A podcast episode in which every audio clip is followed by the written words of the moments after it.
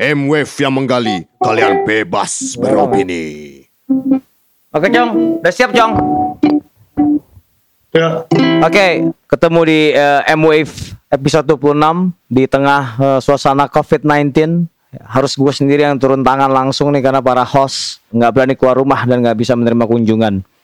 Jadi eh, Rio Tantomo di sini biasa jadi produser, sekarang ambil mic. Nah, untuk eh, episode malam ini kita ingin mencoba menghibur para tahanan rumah di Jakarta nih. Eh, udah seminggu lebih kali nggak bisa keluar cuman di rumah doang mungkin cuman ke Indomaret atau GoFood ngambil GoFood doang gitu. Oke, gua udah terhubung via Skype dengan Sir Dendi di Bintaro sebagai tamu malam ini. Selamat malam, Jong. Kabar baik, Jong. malam. Gimana virus, Jong? Alhamdulillah baik. Hah? Virus gimana, Jong?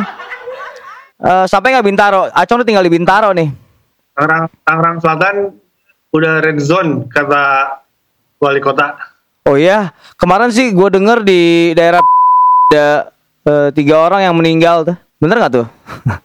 Eh mungkin ya soalnya udah jadi red zone kata wali kota Tangsel gue baru baca tadi. Anjir, oke makin mencekam ya. Terus eh, gimana kegiatan lo sehari-hari?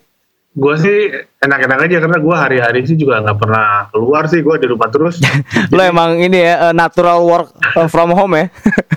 Iya gue work from home jadi ya bedanya gue nggak bisa ketemu kalau ada janjian meeting apa nggak bisa ketemu langsung tapi sisanya sih gue sih udah, udah lumayan biasa sih kasihan yang kerja tapi ini sebenarnya kalau kemarin gue keluar gitu ya dari dari kosan terus gue mencoba untuk lihat sekeliling mencekam tapi nggak terlalu mencekam ya. Banyak juga orang yang masih yang masih berkeliaran tanpa masker, nongkrong, makan di warteg gitu ya.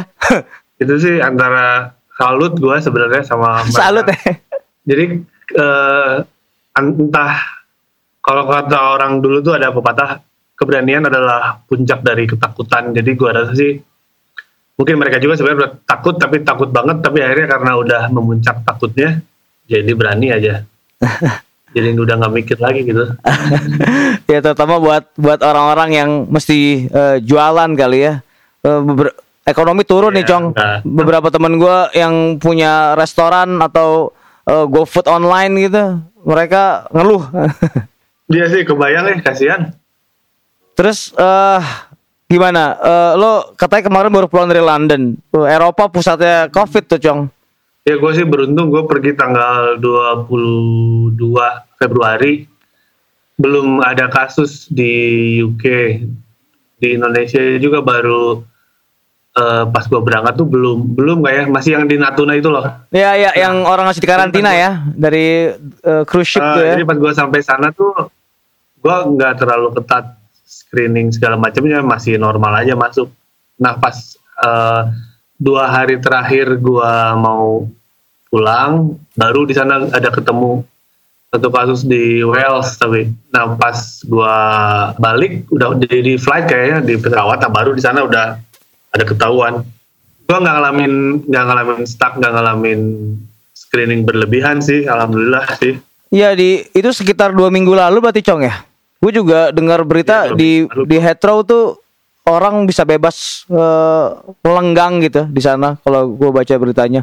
Iya. Pa- Padahal di Gua Itali di Itali udah eh, rasio kematiannya udah meningkat tuh saat itu tuh Cong ya. Gimana tuh Cong? Ya di di Itali di Itali pas gua di sana lagi baru mau mulai belum belum menggila gitu jadi eh, si di London sih orang-orang juga masih pada santai masih pada rame nggak ada yang pakai masker tuh cuma satu dua orang lah yang pakai masker Ya. sisanya sih masih santai orang-orang masih santai di di tube di di bis di restoran di kafe masih pada rame Wash your hand tuh penting gak sih Cong? Penting banget ya. Maksudnya eh, itu penting Pencegahan terdini ya? gue tuh paling males lumayan paling males cuci tangan Hmm.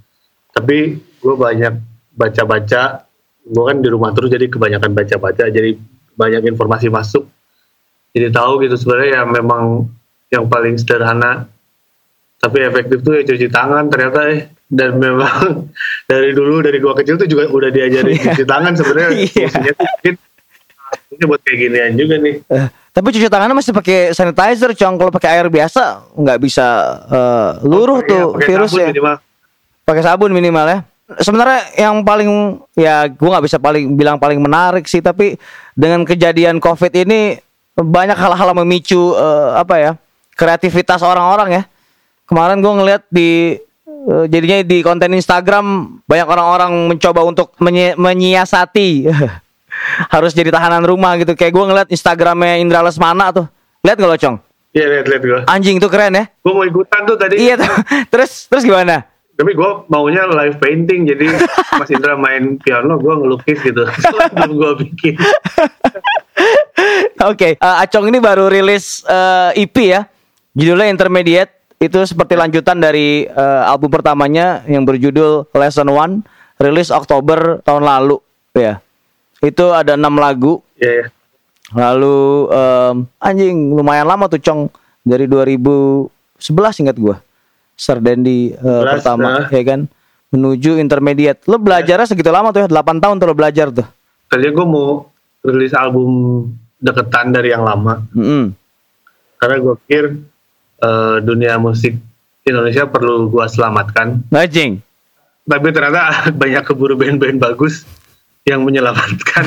Jadi gue nggak rilis dalam waktu dekat. Lo krisis kepercayaan diri tuh ya. Udah diselamatkan sama band-band yang lain. Jadi gue gue nggak usah deh.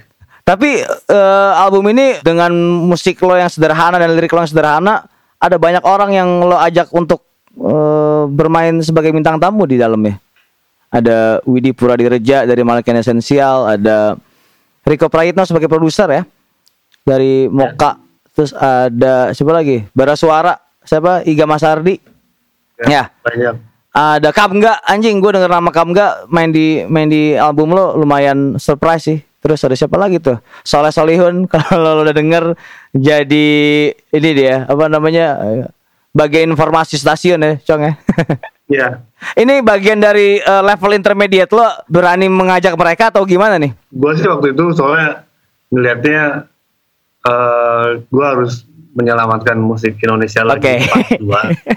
Jadi ini aneh banget sih ketika datang untuk mencoba menyelamatkan, tiba-tiba yang lain udah menyelamatin duluan. Jadi kayak udah ada otomatis kalau gue niat baik, orang-orang pasti ngebantuin juga gitu. Jadi akhirnya gue niatnya buruk aja, senang senang aja. Sama si orang-orang yang ngebantuin gue ini semua di di yang teman-teman. Jadi itu berdasarkan letak geografis aja gue aja gue ajakin kan sering kumpul-kumpul di Tangerang Selatan di Bintaro tuh Heeh. si Riko itu sebenarnya kalau perhatiin itu semua status domisilinya yang ngebantuin gue tuh putaran Tangsel Oh iya ya. Jadi bukan karena bukan karena eh, kepentingan musikalitas yang lo butuhkan ya, tapi lebih karena gampang diajak nongkrong gitu ya. Oh, orang musikalitas gue sih soalnya nggak bisa diapa-apain ya. gitu aja. Jadi kok ini benar-benar ya kita rame-rame aja lah. Mereka main gitar listrik, mereka main keyboard, mereka main apa? Ya gue mah nyanyi dari dulu ya gitu aja, liriknya gitu aja, suaranya fals gitu aja. Bedanya sekarang sama aja gitu. tapi gue tapi gue penasaran kalau misalnya lo mengajak eh, Rico sebagai produser, sebenarnya apa yang Rico kontribusikan ke lo gitu ke musik lo atau misalnya apa yang lo harapkan dari adanya seorang produser gitu? Emang lo butuh gitu seorang produser, Cong? gue sih tadinya nggak nggak butuh tapi gue tuh orangnya pemalas sih dan asal banget lah. Jadi kayak eh, banyak ide brilian gitulah. Jadi Anjing. pernah tereksekusi dengan baik. Beneran jadi gue gue idenya ba- banyak lah. Tapi gue nggak pernah tereksekusi. Jadi gue perlu produser tuh buat bantuin gue ngeksekusi ide-idenya. Nah si Riko ini cocok karena si Riko tuh adik kelas gua kita kenal udah lama lah adik kelas gua di kampus dulu. Dan dia udah tahu busuk-busuknya gua gitu. Dan dia jadi gemes pas ngeliat gua cuman bisa gitaran lagu-laguan terus upload di Instagram. Terus akhirnya dia udah lalu jadiin aja gitar sama eh, vokal doang. Nanti dijadiin eksekusi versi audio. Ini si Riko. Itu si Riko yang ngatur semuanya. Ah, gue cuma bikin pattern lagu nih, gini-gini kasih ke si Riko. Si Riko langsung, oh ini mah gitarnya gini, oh ini drumnya gini, terus perlu dia dia yang ngatur. Wah, pemain eh, ini keyboardnya coba isian keyboard si Widi deh coba isian melodinya si Petra Hombing deh Wih gila. coba isian ininya backing vokalnya si Kamga gitu semua si Riko yang ngurusin Oh gitu.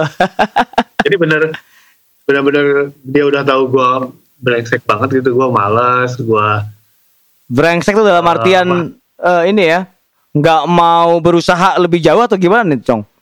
iya gue malas mikirin dan gue malas eksekusinya tapi jadi kayak ya gue mah gini aja.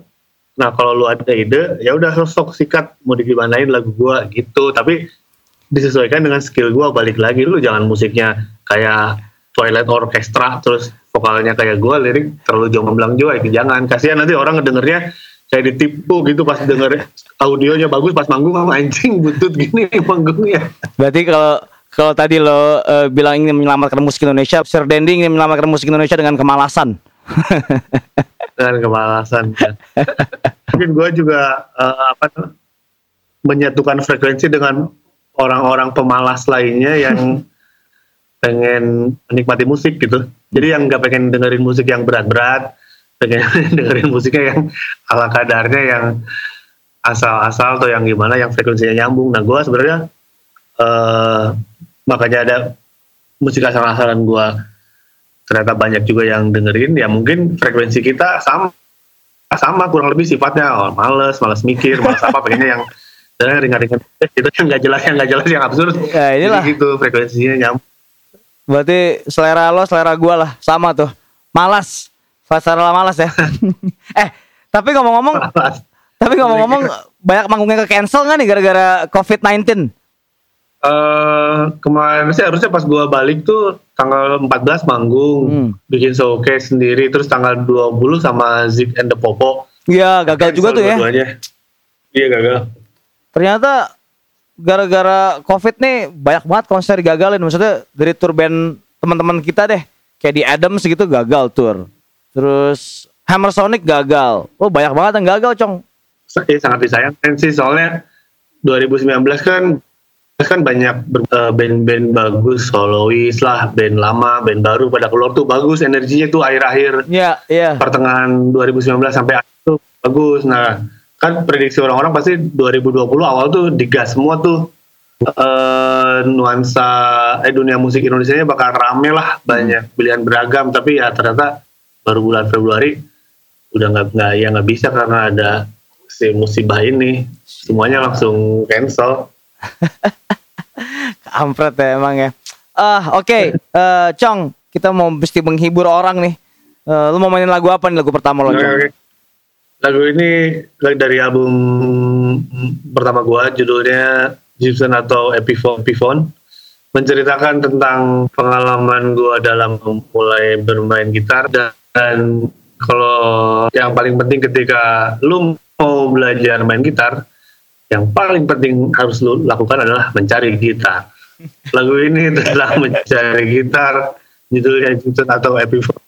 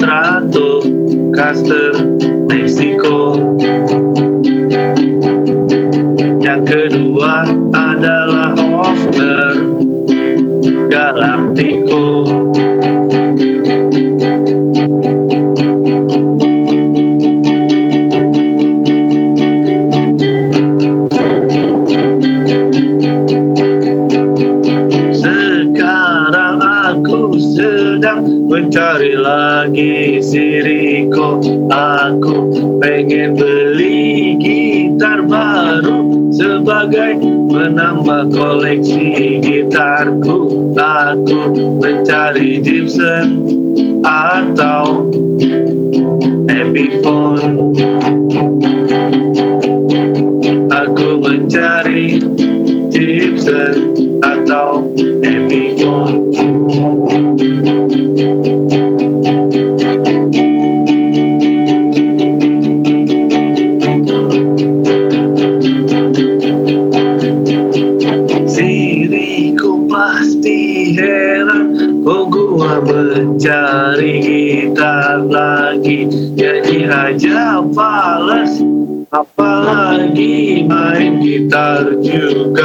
Kuncinya itu terus tapi Riko Diam lu jangan banyak cincong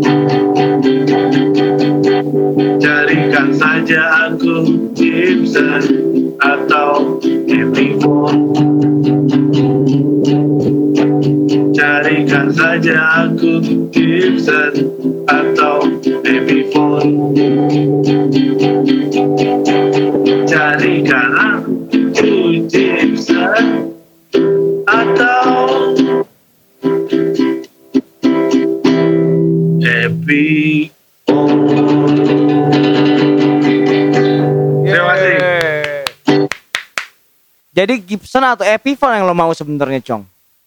Gua sekarang jadi maunya Taylor eh jadi jadi ini loh, pengen lebih loh. Nggak mau standar lo sekarang. jadi pengen lebih enggak gua sih pengen Gibson tapi yang Gibson gua mau mahal banget ya ini jadi eh gua setelah gua sadari ternyata gua malah nggak punya gitar gua tuh gitar dipinjemin terus setelah rilis album satu gua gitarnya dipinjemin sama si Widi. Pakai Taylornya dia Taylor gede. Mm. terus gua sempat beli Epiphone akustik terus dipinjam siapa gua lupa. Karena gua vakum terus dipinjam. Nggak pernah pas gua mau main manggung lagi anjing nggak ada gitar ya. Akhirnya dipinjemin si Vincent Baby Taylor. Mm-mm. yang kecil terus lama-lama anjing. Taylor enak juga kan Rico ini tadi mengarahnya ke Rico Praitno ya? ya emang ini kisah nyata. Jadi lagu-lagu Oh, lagu-lagu gua tuh kalau ada nama orang itu berarti orangnya ada ada beneran. Itu tentang si Rico. Bener Rico tuh gua, gua beli gitar dari dia tuh dua kali. Fender Stratocaster tuh yang dipakai si Alvin yang Skillless Dead itu yang teenage. Mm, mm, mm. yang Hofner tuh gue beli juga dari dia. Hofner nggak tahu entah ke mana rimbanya nah gue baru belajar bikin album solo dan gue nyari gitar lagi dua dateng lagi si Rico gue cari gitar deh buat bikin solo gue Kalau ngelihat dari eh, skill musik lo yang standar gitu ya, main kunci-kunci mayor doang gitu. Emang butuh ya gitar eh, sekelas Taylor atau misalnya eh, Gibson gitu. Pakai aja lah. Prince aja juga cukup lah buat lo nggak sih? iya sih cuman gue kebanyakan lihat gitaris-gitaris lain gitarnya keren-keren juga jadi gue gampang terpengaruh orangnya gue jadi pengen juga gitu sebenarnya pakai gitar apa pun juga bisa gue nih sekarang lagi pakai gitar Yamaha Boleh kasih lihat nylon. Cong? gimana sih Nih nih, angkat angkat gitar lo. pinjaman Waduh. Apa tulisannya tuh? Pinjaman. Oh Malik ya, punya balik and essential Jadi gitar yang dipakai Acung tadi buat nyanyi dari Basic. Malik and Essential tuh. Punya lale tuh pasti tuh. nih ada stiker gue di atasnya di, di atasnya gue kasih stiker sedendi seolah punya gue bawahnya stiker Malik ini aslinya semuanya di bawah Oh ya, ada Vincent Rompis juga di album lo. Ngapain dia di album lo, Cong? siapa Vincent, Vincent. ada siapa Vincent. di intermediate dia ada ada main bass Ah. Oh, dia main bass di lagu apa dia tuh?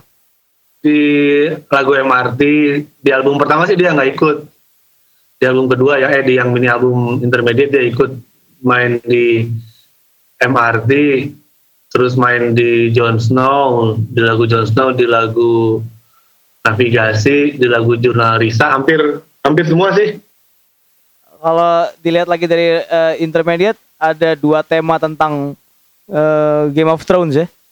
Ada Jon Snow, ada kisah Iya. eh, GOT. Lo emang ini ya? Ya. Penggemar. Gue tadinya enggak sih karena gue juga nontonnya telat dan gue nonton karena gue kan nggak ada kerjaan pengangguran gitu. Jadi tiap hari nonton TV pas waktu itu di HBO lagi heavy rotation si Game of Thrones. Eh, karena mau rilis kalau mau mau rilis season baru yang lama tuh diputar terus. Gue sih nggak nonton. Itu kan yang lama tuh kayak tiga empat tahun yang lalu lah. Hmm. Nah gue eh, lagi bengong itu nonton TV terus anjing dihajar terus Game of Thrones, Game of Thrones. kan kalau di orang nonton TV itu apalagi film kayak kayak Game of Thrones itu filmnya kayak film India gitu kalau lu udah standby 10 menit nonton lu gak akan bisa cabut aja jadi gue nonton Game of Thrones 10 menit terus anjing gue harus ngikutin terus ngikutin terus ngikutin terus akhirnya Lo tamatin. ya gue gak ngamatin dan gue kayak kecuci otak gitu saking saking seringnya gitu dan sering gue sering seringnya keseringan gue ngelamun terus keisi sama film Game of Thrones akhirnya pas gue pengen bikin lagu anjing jadinya lagu itu temanya tentang si Game of Thrones Iya anjir. Tapi kalau tadi lo bilang kerjaan lo lo lo pengangguran, banyak lamun, tapi lo bisa ke eh, Inggris tuh lo sebentar ngapain sih, Cong? Eh, Sehari-hari tuh Cong ke- sampai bisa pergi ke Inggris gitu? Ngelukis paling ya? ya gue eh eh, kerjaannya freelance aja graphic design lukis interior. Jadi pas-pasan lah pas lagi pengen liburan pas ada. Pengen beli apa CD kayak atau beli laptop atau beli apa nonton konser ada. Pas-pasan aja hari-harinya sih gitu. Yang penting sih eh, gue berusaha ngerjain yang gue dapat aja gue berdoa aja semoga gue dikasih bisa jalan-jalan ke luar negeri terus Terima kasih. Amin. Oke, Cong, ini pertanyaan gue iseng nih, Cong. lo sebenarnya percaya dengan teori konspirasi nggak, Cong? Sebelumnya?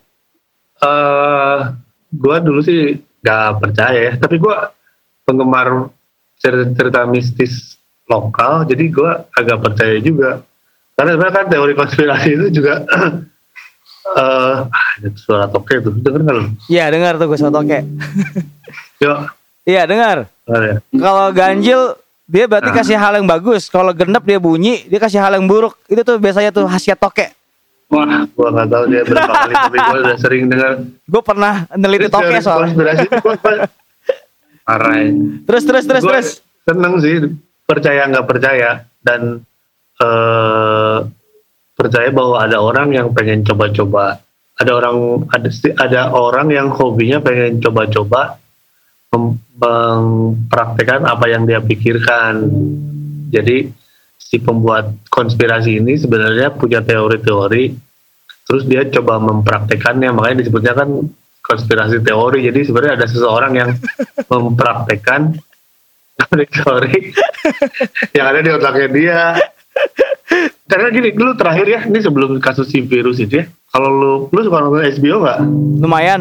nah itu dia nah lu nggak nggak dua tiga bulan empat bulan sebelum film eh sebelum si virus ini muncul lu ada film Contagious apa sih Iya. yang Heeh. tentang virus Heeh, iya keluar tuh.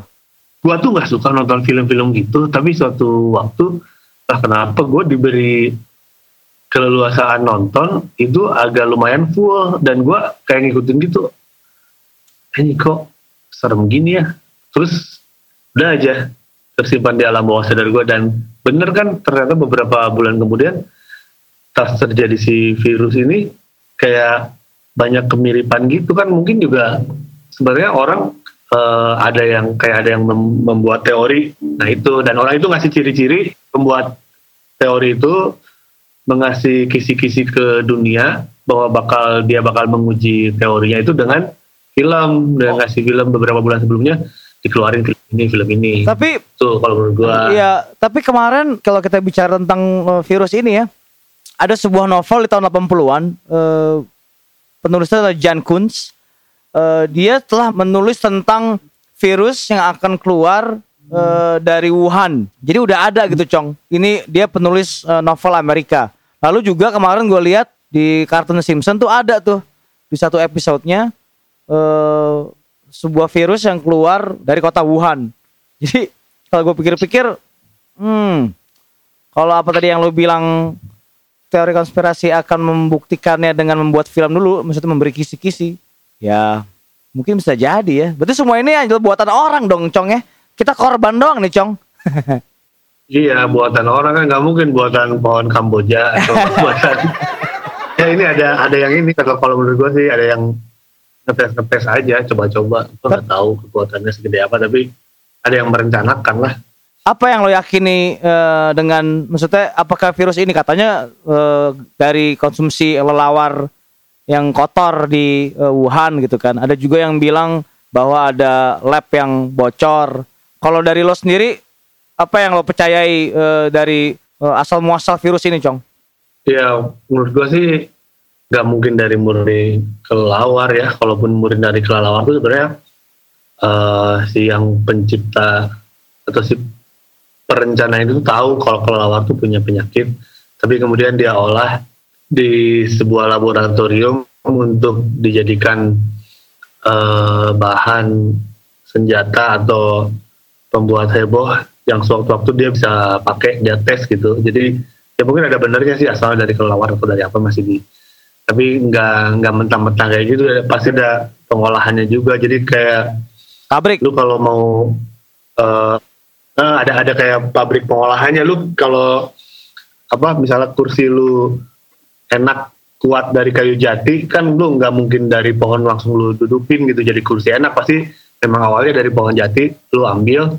Eh ada yang ngambil terus dibikin kursi terus didudukin didesain enak kuat berapa puluh tahun gitu Gua- kalau menurut gua sih ininya analoginya Oke. jadi mungkin benar si kelelawar itu benar, tapi ada ada satu fabrikasi yang apa memproduksi mereka dengan tujuan tertentu yang mungkin seperti sekarang ini tujuannya.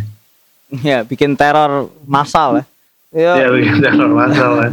karena maksudnya ada beberapa teori ya ini gua gua tertarik dengan teori ini maksud gua teori konspirasi kadang-kadang dianggap sebagai hal yang dangkal tapi menurut gua itu psychological reverse. Ya, emang sel- selalu dianggap dangkal biar nggak biar nggak diteliti lebih lanjut. Padahal itu yang terjadi. Itu menurut gua. Jadi ada yang bilang kalau misalnya covid ini adalah merupakan eh, embrio dari perang intelektual gitu loh anjing. Jadi kalau ujung-ujungnya nanti semua transaksi ekonomi akan dipaksakan eh, secara digital untuk eh, perdagangan gitu. Kan buktinya kita semua ada di dalam rumah dan melakukan semua dengan transaksi digital, mengurangi cash, uang cash gitu kan. Ya bisa bisa bisa dan itu juga sih eh, perang informasi. Jadi Ya, lu lu banyak baca media cetak segala macam itu juga sebenarnya ada ada yang bermain juga di situ yang menguasai bisnis media juga eh, sebagaimana diutarakan oleh James Bond dalam filmnya lupa film yang keberapa dia bilang barang siapa yang menguasai media dia bakal bisa menguasai dunia nah Ya. itu menurut gue udah mulai ini zaman sekarang itu jadi ya, sekali lagi terima kasih buat Ian Fleming eh, oke. Tadi kan kita udah ngomongin informasi yang buram. Kalau kalau media itu dikuasai oleh politikus, eh, gua rasa iya sih. Coba lihat aja di Indonesia, hampir semua politikus pasti megang media gitu ya. Nah, yang gua mau tanyain ke lo, gimana lo cara memilah-milah informasi yang lo konsumsi, Cong? Eh susah sih ya itu filternya mah berat eh soalnya informasinya juga beragam. Masuknya bertubi-tubi kayak nggak dikasih jeda gitu. Dan salah filternya udah udah susah. Ya mungkin kalau balik lagi sih jadi kalau kata Budi Utomo tuh inti dari kemanusiaan itu kan budi pekerti. Anjing. Lu tau Anjing nggak Budi. Utomo? Budi pekerti itu eh, harus eh, diutamakan dan mungkin bahasa sekarang bahasa kami itu adabnya lah. Ada bakal gitu ilmu ada bakal. Jadi kalau kata Budi Utomo eh, eh, yang harus dari terutama dari bangsa Indonesia tuh harus di terus di apa dibenerin dibangun tuh itunya budi pekertinya. Dan salah satunya mungkin lewat pendidikan agama karena nggak ada lagi filter eh filter yang bisa menyaring semua keabsurdan media itu dengan sesuatu yang tidak terlihat juga. Dan menurut mereka itu ya itu keim- keimanan itu bukan bukan, bukan. Jadi menurut, gue keimanan itu dibalikin lagi ke dirinya sendiri. Kalau kata Budi Tomo sih bu- budi pekerti. Jadi logis. Jadi udah mainnya di dalam aja. Di dalam aja dikuatinya filternya. Nggak bisa lu nggak bisa lu filter ngebandingin antar media nggak bisa. Soalnya udah udah rancu eh kayak lu nggak bisa mau beli donat kentang dari pas pasar modern BSD Hmm. sama donat kentang dari pasar modern Bintaro. Tuh orang pasti pengennya oh gue mah bagus nih soalnya gue kentangnya ditanamnya organik. Yang satu bilang ini mah gue kentangnya langsung beli dari petani misalnya. Gue nggak nggak nggak ngambil untung banyak gitu. Terus lu nggak bisa filternya pada akhirnya lu pas lu makan aja lu baru harus meyakini oh oh ya nih, kentang gue mah sukanya kentangnya yang ini. nih setelah setelah dimakan dulu gitu setelah dimakan difilter oleh badan kita oh gue mah ternyata cocoknya yang ini gitu Oke. Jadi eh, tadi lo ngomongin iman dan ngomongin absurd, sebenarnya ada hubungan nggak sih antara virus corona dengan bir corona? nah itu itu harus diteliti lagi tuh soalnya juga penggunaan nama corona kan gua rasa belum ada yang mem- pergi ke hak patennya untuk mematenkan karena kan ada juga mobil Jepang yang mereknya Corona Corolla Kayak juga nih nama virus mungkin berikutnya depannya kok lagi habis Corona, Corolla, Cadillac, apa lagi tuh? Cold diesel apalah banyak ini. Oke, Cong, lagu kedua mau main apa nih? Mau bawain lagu ini aja deh Anggur Merah. Anggur Merah merepresentasikan sebuah bentuk kesederhanaan dari bangsa Indonesia dalam menghadapi permasalahan hidupnya yang sangat nestapa dan sengsara dalam bentuk pelarian yang murah dan dan tidak membahayakan kecuali bagi mereka yang mengkonsumsi secara berlebihan. Anggur merah.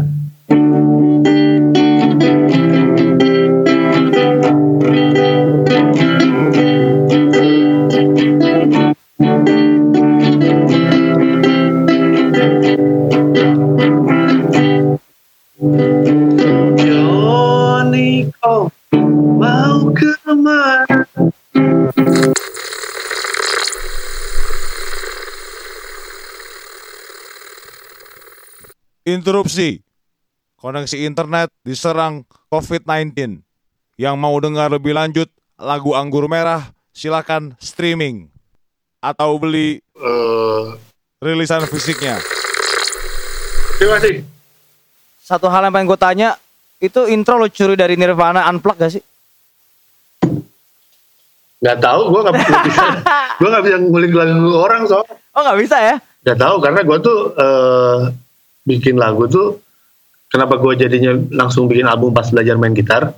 Karena gue gak bisa, gue bisa lagu orang, kunci-kuncinya susah. Jadi gue langsung bikin lagu sendiri. Nah, mungkin karena kuncinya gue itu itu aja, ya udah pasti basic banget lah. Udah pasti ada kemiripan dengan lagu-lagu yang udah pernah ada gitu. Iya, iya. Meskipun gue tahu gitu, tahu bandnya tapi lagunya enggak. Karena kalaupun gue gua suka sebuah band, gue gua coba bawain nggak akan bisa karena kuncinya anjing susah. Gue suka The Libertines dan lagunya nggak ada yang bisa gue bawain karena kuncinya gue nggak bisa. Jadi ya gue cuman itu itu aja gitu.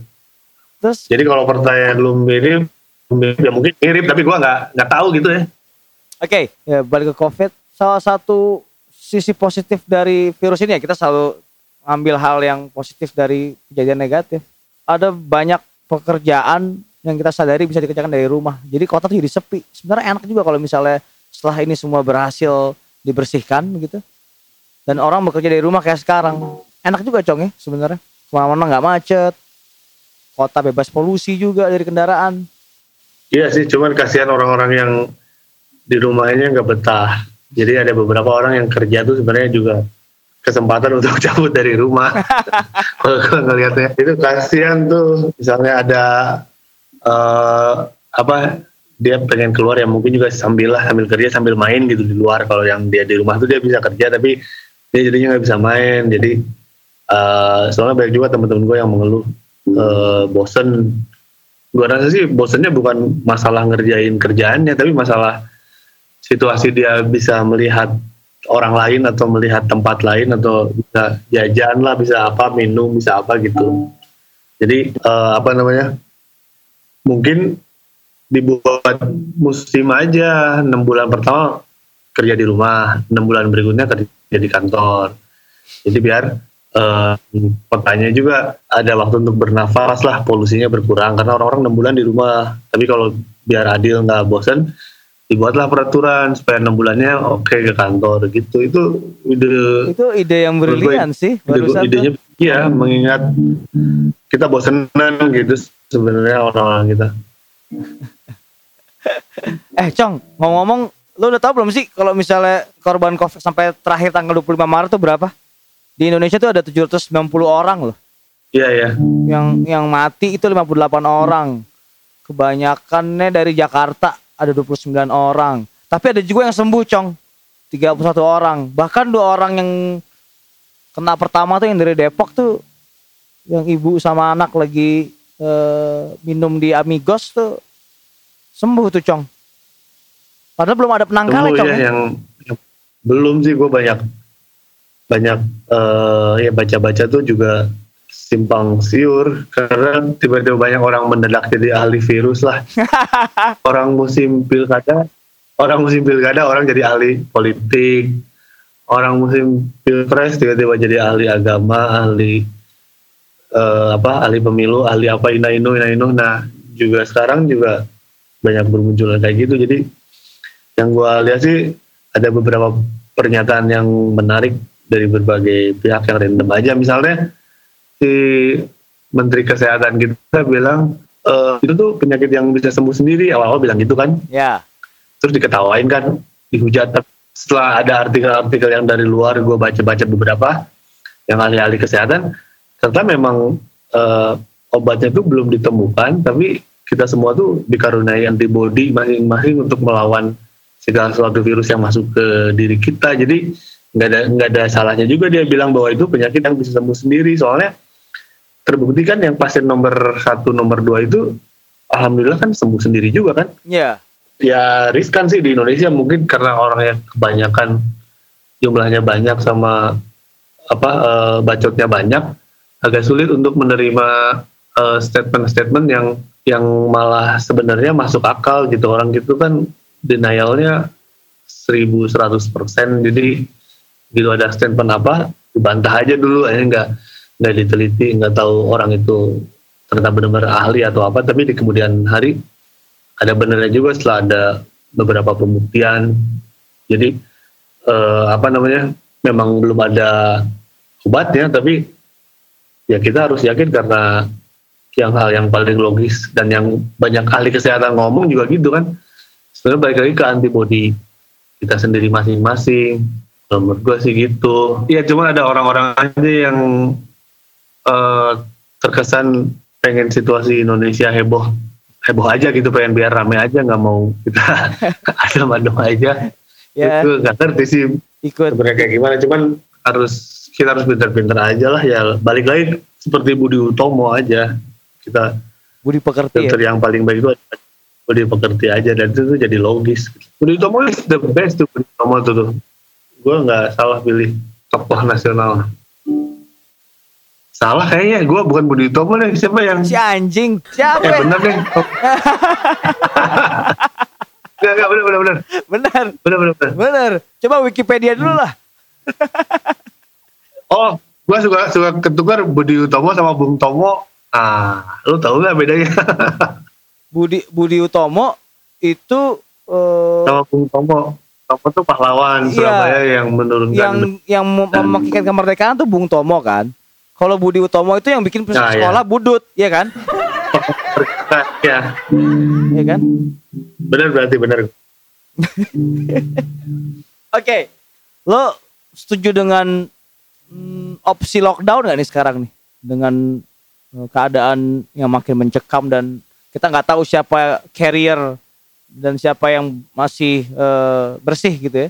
Gue sih nggak tahu gue setuju atau enggak, cuman balik lagi harus dipelajari. Nggak semua daerah mungkin bisa. Mungkin memang bener kalau kata Pak Jokowi itu penanganannya diserahkan ke daerah itu karena apa? Karena karakternya tuh beda-beda lu tiap daerah tuh. Sumatera Utara gimana karakternya? Balik lagi karakter psikologi sosialnya, karakter orang-orangnya kayak gimana? Jawa Barat kayak gimana? Jakarta kayak gimana? Jadi pusat itu cuman kayak jadi kayak ngejaga ngejaga apa namanya? Kayak ngejaga metronomnya aja biar bener gitu. Biar orang nggak loncat-loncat lah kalau di metronom. Tapi eksekusinya sih balik lagi ke kepala-kepala daerah itu udah bener. Lu gini ya, lu eh, ci- apa lu kalau mau tahu gimana kar- karakter eh, psikologi sosial setiap daerah beda itu ya, coba lu baca Instagramnya Ridwan Kamil, terus lu baca statementnya dia, terus lu baca komen-komennya itu lu udah ketahuan Iya. aja ini Jawa Barat penduduknya paling banyak, udah kayak gini karakter orangnya, terus lu coba ganti Instagram siapa, tapi gua nggak yakin nggak nggak yakin semua gubernur seinformatif Ridwan Kamil sih. Tapi gue yakin pasti banyak beda-beda gitu responnya tuh. Ya, dan itu lucu jadi gue pikir juga pikir juga parah ya itu maksudnya kalau Ridwan Kamil eh, bagaimana Ridwan Kamil ber- memperlakukan rakyat Bandung maksudnya eh mendengar aspirasinya dengan jokes-jokesnya yang agak genit dan segala macam itu cocok. Beda juga dengan eh, Risma di Surabaya kan. Dia lebih dengan area-area Surabaya mungkin lebih keras Beda, gitu. iya. Akhirnya dengan dengan gaya pecut iya. gitu, ya kan? Eh, Iya, ya mungkin iya. benar juga kalau misalnya eh, penanganan tentang eh, virus ini eh, diserahkan ke pemerintah daerah masing-masing karena beda-beda juga ya. Mungkin Iya. nggak Iya. mesti lockdown secara full kali atau misalnya nggak mesti bisa, kecuali kalau- dari pusat gitu. ya kecuali lu diperintah oleh Ratu Elizabeth gitu satu Inggris nurut gitu satu pemerintah nurut kecuali lu di, dipimpin negara oleh kanselir Jerman yang negaranya segede gitu semua rakyatnya pasti nurut karena jumlahnya nggak banyak karena rata-rata ras terus sosial budayanya itu sama kan kalau kalau mereka kan Ya. Nah kalau kita ya berapa suku bangsa, berapa bahasa, terus lu mau digituin nggak akan bisa. Orang zaman dulu aja Belanda susah, ini banyak pemberontakan raja-raja segala macam. Apalagi sekarang orang udah pada pinter lah ini susah lah. Nggak bisa yang, yang bisa di lockdown tuh cuman orang yang benang merahnya sama garis apa ya hierarki atau garis apanya itu udah ah, sistemnya tuh udah udah bener gitu dalam arti sistemnya udah bener tuh pemerintahannya ngasih tahu ini apa, ngasih peraturan apa, semua rakyatnya ngikutin. Udah satu bahasa lah istilahnya, satu pemikiran. Nah itu cuma bisa dilakukan oleh negara-negara yang eh, apa nggak terlalu banyak suku bangsa dan bahasanya dalam satu negara gitu. Oke, thank you Chong. Udah eh, mau menghibur Oh, ya. kami para tahanan rumah dan kalian semua. Oke Chong, mudah-mudahan Semoga terhibur. ya mudah-mudahan segera berlalu lah ya ini pandemik nih ya.